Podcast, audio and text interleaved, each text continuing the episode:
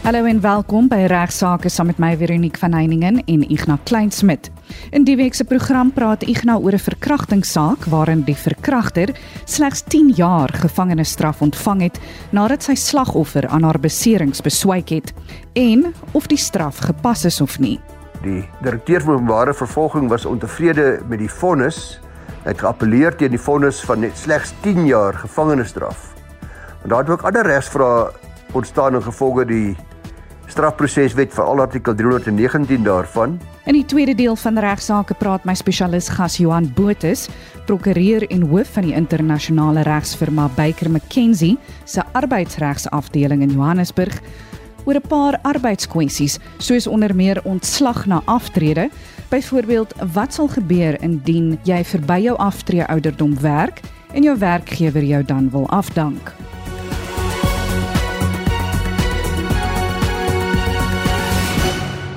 Ons begin nou intussen die program met Ignas wat 'n luisteraarsbrief bespreek wat handel oor 'n bedrag van meer as R18000 wat in haar rekening inbetaal is deur 'n onbekende persoon en wat haar nou te doen staan in die verband. Ja, hartlike goeiemôre aan al ons luisteraars wat 'n voorreg om weer met u te kan gesels. Ek kry 'n briefie e-pos uh, van 'n luisteraar, ek gaan nou nie haar naam noem nie, sy vra net anoniem te bly nie, maar sy sê dat 'n onbekende persoon het 18806 rand in haar bankrekening en gesê sy wat die bank se naam is inbetaal. Sy weet nie wie die persoon is nie, maar sy seker dit is 'n fout wat gemaak is en sy vra wat nou? Ek dink wat sy eintlik weet is kan sy die geld gebruik of nie en uh antwoord natuurlik baie baie maklik vir hierdie luisteraar en vir soveel ander luisteraars wat soms in hierdie posisie beland dat indien fondse in jou persoonlike rekening inbetaal word verkeerdelik kan die fondse natuurlik nie vir eie gewin toegeëien word nie. Dis baie duidelik dat dit nie jou fondse is nie en as jy dit sou aanwend dan sal dit diefstal wees veral in die geval waar jy bewus is dat dit iemand anders se geld is dat 'n ander derde party daarop aanspraak het nie. Daar was onlangs weer sal julle onthou in die media die geval van die student waar 'n uh, die groot bedrag dink miljoene rande na rekening inbetaal het en sy het dadelik begin spandeer aan al haar vriende takteer ensovoorts en sy is onlangs toe nou ook skuldig bevind aan diefstal en daar's nou uh, nog steeds uh, geding aan die gang met betrekking tot die billikheid van uh, die vonnis die straf wat opgelê moet word. Nou dit gee my miskien 'n geleentheid om net 'n algemene stelling te maak dat in die verloop van gebeure sodra fondse in 'n bankrekening gedeponeer word dan word daardie geld teen die bank gekrediteer. Gevolglik word dit eintlik nou die bank se eiendom en tydens ontvangs van hierdie deposito is nou die bank se eiendom, hulle het nou regsplig daardie bank om 'n bedrag gelykstaande aan die bedrag wat ontvang is of aan 'n derde party van die deponeerder se keuse uit te betaal of 'n bedrag direk die deponeerder se persoonlike rekening in te betaal. So 'n derde party wat egter 'n wettige reg of aanspraak op die fondse in die bankrekening verkry, sal dus die deponeerder se regte oorneem om uh, die uitbetaling van die fondse te ontvang. Nou die vraag is nou is jou geld of geld waarop jy wettige aanspraak het veilig in die geval waar dit in 'n ander bankrekening gestoor word wat nie noodwendig aan jou behoort nie. Nou die eenvoudige antwoord luisteraars is natuurlik ja, mits die bank wel bewus is dat jy dis nou die derde party wettige reg het tot daardie fondse het of verkry het. Dit was 'n onlangse hofsaak 2021 hofsaak uh, verlede jaar van First Rand Bank Limited versus die Spar groep wat in die Appelhof Hoogste Hof van Appel beslis is.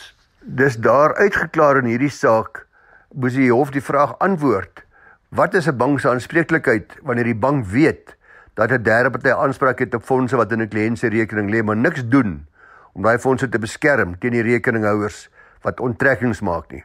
En die vraag wat daarop volg is watter tipe eis hierdie derde party dan teen die bank in so 'n geval.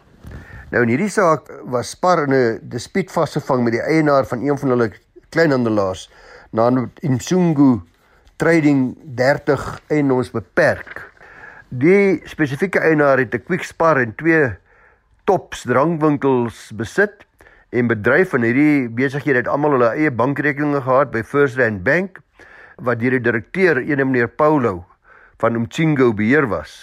Daar se gevolg van hierdie dispuut was Spar genoodsaak om 'n interim hofbevel te bekom waarin hulle dan tydelike beheer oor hierdie kleinhandelaars oorgeneem het in ruil vir 'n gedeelte van die totale omset. Maar luisteraars, die probleem het ingekruip toe Spar agtergekom het dat daar etlike kaartfasiliteite binne die winkels is wat nog steeds die betalings ontvang het tydens aankope in die winkel in twee verskillende rekeninge en die rekeninge was nog steeds deur meneer Paulo beheer terwyl hulle eintlik deur Spar beheer moes wees. Gevolglik het die bank verkeerdelik toegelaat dat meer as 1,3 miljoen rand aan die meneer Paulo se persoonlike uitgawes geallokeer word vir ander skulde wat hy met die bank aangegaan het. Spar het nou die bank en meneer Paulo gedagvaar vir hierdie bedrag en hulle het aangevoer dat die bank verkeerdelik toegelaat het terwyl hulle wel geweet het wat die situasie is. Hulle toegelaat dat meneer Paulo fondse wat aan Mtsingo toegekom het in terme van die ooreenkoms wat hulle die hofbevel wat hulle tydelike beheer gehad het dat daardie fondse toe as sy eie toegeken kon word waar hy geen aanspraak op die fondse gehad het nie. Nou luisteraars, die bank het die hof het in sparse guns beslis en bevestig dat in omstandighede waar die bank kennis dra dat hulle kliënt geen aanspraak op die fondse het nie, maar steeds toelaat dat die kliënt die fondse aan hom of haarself toeëien, dan is die derde party wat wettige aanspraak het op die fondse geregtig om betaling van die bedrag vanaf die bank terug te eis. In hierdie geval is dit dan nou die persoon met die reg die wat First Rand Bank en Spar die Spar groep wat dan van 'n First Rand Bank die geld kan terughuis. Die uh, hof het bevind dat in gevalle waar die bank kennis dra van die feit dat sy kliënt nie meer 'n wettige reg op geld het wat in sy of haar rekening gekrediteer is nie, maar steeds voortgaan om daardie kliënt se skuld te verreken en die kliënt toelaat om daardie fondse vir hulle eie belange te gebruik met die gevolg dan dat hulle dis onregverdig verryk word, dan in so 'n geval sal die bank beskou word as 'n gesamentlike mededader van die wanbesteding wat deur die kliënt gepleeg word en kan die bank dus aanspreeklik gehou word. So die appelhof bevind dat die bank in hierdie geval wel aanspreeklik is teenoor Spar en beveel hulle om terug te betaal en hulle moet ook die kostes van die geding betaal.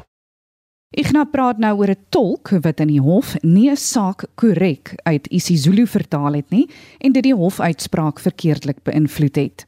Soos baie van ons luisteraars weet en julle ook Veronica by RSG, is daar baie taalstryders en groepe in ons land wat hulle beywer vir taalregte en veral dan ook vir Afrikaans en veral dan ook vir die behoud van Afrikaans as 'n regstaal en 'n hoftaal. Nou in 'n onlangse saak van Staat versus Nadlanga Mandla.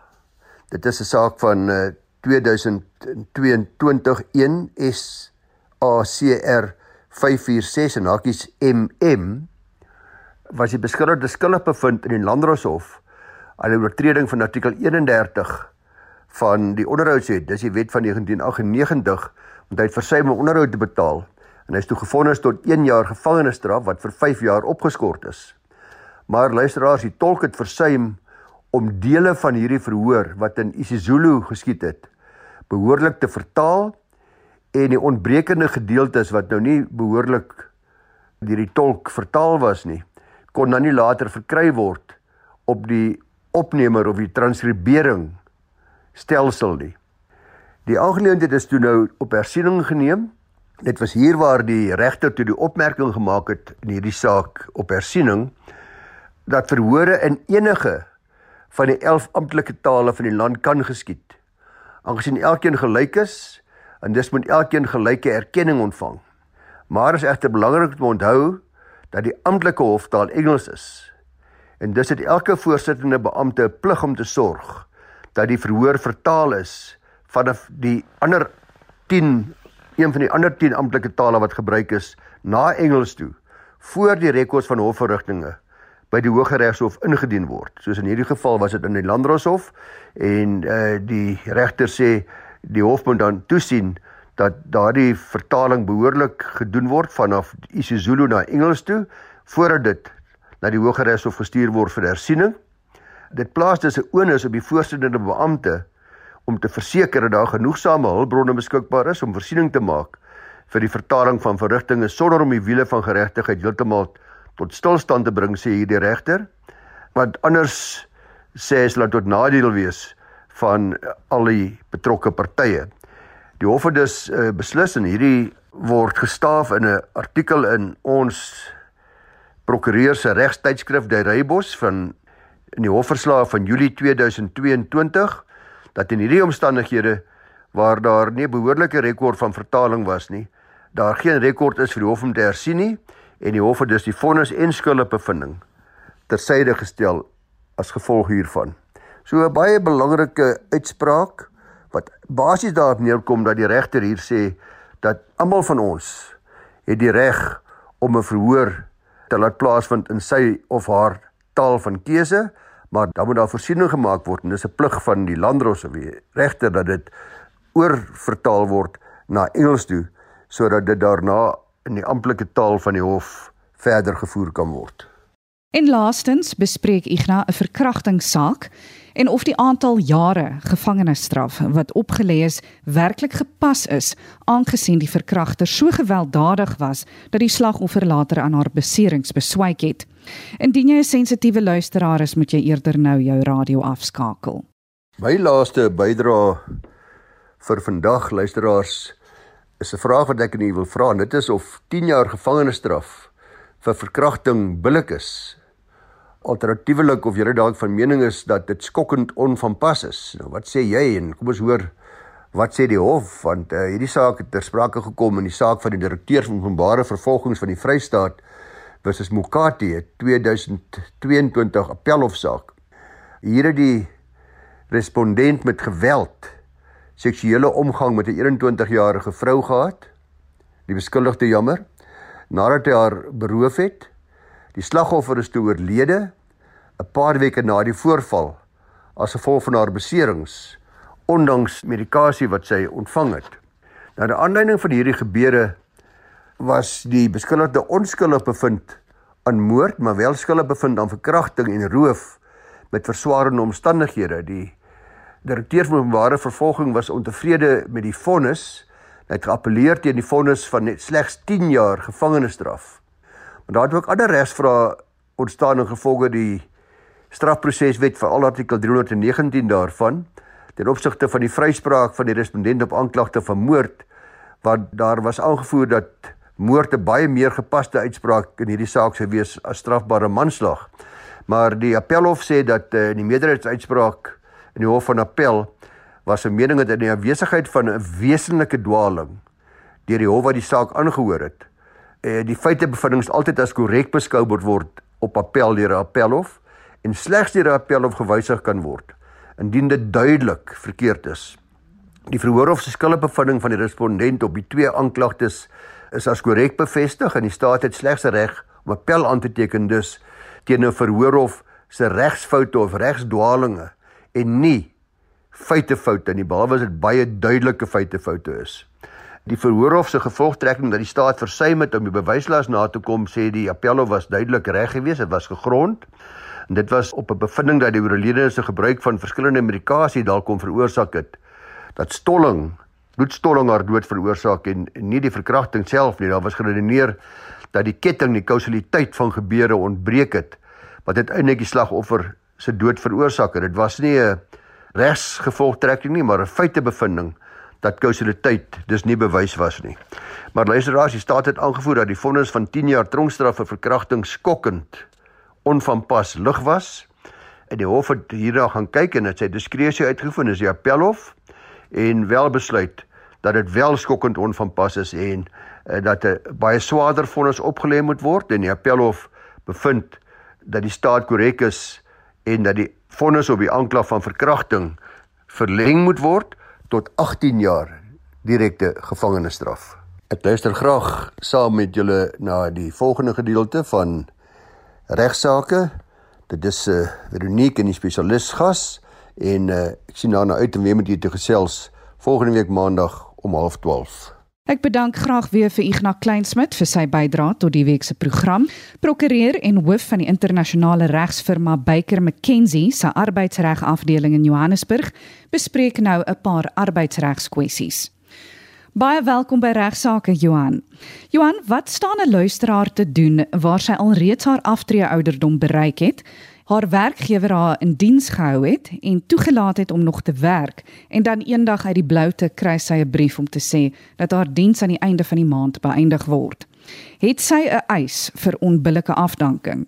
Dis 'n baie interessante vraag want dit handel oor die kwessie van is dit billik om iemand se diens te beëindig as gevolg van iets arbitrêr soos ouderdom. In baie lande is daar al weggedoen met die konsep van 'n verpligte aftrede wanneer jy 'n sekere ouderdom bereik dat jy nie meer geskik is vir diens nie en dat jou diens beëindig word as gevolg van die feit dat jy hierdie ouderdom bereik het. In Suid-Afrika het ons wonderlike beskerming vir werknemers teen onbillike diskriminasie op arbitreëre gronde insluitende onder andere ouderdom. Tog is daar in die wet van arbeidsverhoudinge 'n verpligting wat 'n werkgewer die reg gee om 'n werknemer se diens te beëindig wanneer die werknemer die ooreengekome of normale aftreeouderdom bereik het. So dis is daar 'n verweer vir werkgewer teen 'n eis van onbillike afdanking as gevolg van ouderdom waar die werknemer dan die ooreengekome of normale aftreeouderdom bereik het baie van hierdie ooreenkomste aftreeouderdomme word vasgevang in 'n dienskontrak of is in 'n pensioenfonds reëls. So wanneer die werknemer dan die aftreeouderdom bereik, is die bepaling in die dienskontrak gewoonlik dat die diens beëindig word outomaties aan die einde van die maand wat die persoon die aftreeouderdom bereik. Wat sommige werkgewers doen, is om werknemers wat die aftreeouderdom bereik het, toe te laat om dan nog verder te werk. En jy was baie keer is daar weet is hierdie is mense wat wat goeie ervaring het, wat goeie ondervinding het, ehm um, en wat die wat die besigheid kan verder vorentoe vat en wat daar uh, baie keer 'n behoefte is om mense wat hierdie tipe van ondervinding het, nog steeds die besigheid aan te hou. Die kwessie ontstaan dan dat indien jy my diens beëindig, as ek al klaar verby my aftrede ouderdom is, en dan arbitrêr eendag stuur jy net vir my 'n brief en jy sê my diens word nou beëindig omdat ek al klaar die aftrede ouderdom bereik het. Is dit dan onbillik um, teenoor die werknemer dat die werkgewer dan nog steeds kan steun op 'n aftrede ouderdom wat al gekom en gegaan het? En nadat die werkgewer my nou nog steeds in diens gehou het nadat ek daai aftrede ouderdom bereik het, het ek nie 'n ander eis nie. Is daar nie dan 'n ander eis wat ek het teen die werkgewer om die werkgewer dan nou net eensaidig my diens beëindig nie. Maar hoekom het ek dan nie 'n eis vir onbillike ontslag nie? Die arbeidshof het al 'n paar sake na hierdie kwessie gekyk. En wat die hof sê is as jy kyk na die na die bepaling in die wet op arbeidsverhoudinge, sê die wet dat 'n werkgewer kan billik jou dienste beëindig vir ouderdom waar jy die ooreengekome of normale aftreeouderdom bereik het. So dit beteken nie die werkgewer moet jou diens beëindig op die tyd wanneer jy jou aftreeouderdom bereik nie. Enige tyd wanneer jy die aftreeouderdom bereik of daarna kan die werkgewer billik vir jou jou diens beëindig sonder dat daai diensbeëindiging 'n onbillike afdanking is. En wat staan my te doen indien my werkgewer my dwing om my jaarlikse verlof oor Desember te neem wanneer ons besigheid toemaak? Ek voel dis onbillik want ek wil vakansie neem oor 'n tydperk wat vir my en my familie gerieflik is. Het ek 'n saak? Verlof is 'n basiese diensvoorwaarde en dit word vasgevang in die wet op basiese diensvoorwaardes. Dis tipies 'n kontraktuele bepaling ook en 'n werkgewer en werknemer kom ooreen oor die hoeveelheid dae wat die werknemer verlof mag neem, maar daai ooreengekome hoeveelheid dae mag nie minder wees as dit wat die werknemer toe geregtig is in terme van die wet op uh, basiese diensvoorwaardes nie wat tipies 21 kalenderdae per jaar is. Goeie arbeidsverhoudinge praktyk is dat 'n werknemer en 'n werkgewer ooreenkom oor wanneer die werknemer verlof kan neem. Dit is sekerlik in die besigheid se belang dat die mense wat daar werk sover as moontlik gelukkig gehou word, weet binne die normale perke wat van toepassing is in in so 'n diensverhouding. Wat wat die regsposisie aanbetref, egter is die werknemer nie geregtig om verlof te neem op enige spesifieke tyd sonder die werkgewer se toestemming nie. So die werknemer kan vra vir verlof en 'n goeie werkgewer sal altyd probeer om werknemers te akkommodeer en hulle verlof te gee oor tydperke wat die besigheid dit toelaat en wanneer die werknemer dit graag sou wil neem. Maar indien die werknemer en die werkgewer nie kan ooreenkom oor die tyd wanneer die werknemer verlof moet neem nie, maak die wet op basis diensvoorwaarde daarvoor voorsiening dat die werkgewer eensydig kan bepaal wanneer die werknemer verlof moet neem. Ons sien dit baie in besighede en entiteite wat seisonale werk het, fabrieke wat toemaak oor Desember vir onderhoud, vir skoonmaak dat die werkgewer dan vir werknemers verplig om hulle jaarlikse verlof of 'n gedeelte van hulle jaarlikse verlof te neem oor daai tydperk. En terwyl dit miskien nie die werkgewer die toekenning gaan kry vir werkgewer van die jaar nie, is dit nie teen die wet vir 'n werkgewer om te vereis dat 'n werknemer jaarlikse verlof neem oor 'n spesifieke tydperk wanneer dit die besigheid pas nie. En wat van siekverlof? Is die werkgewer se instemming ook nodig vir 'n werknemer om siekverlof te neem?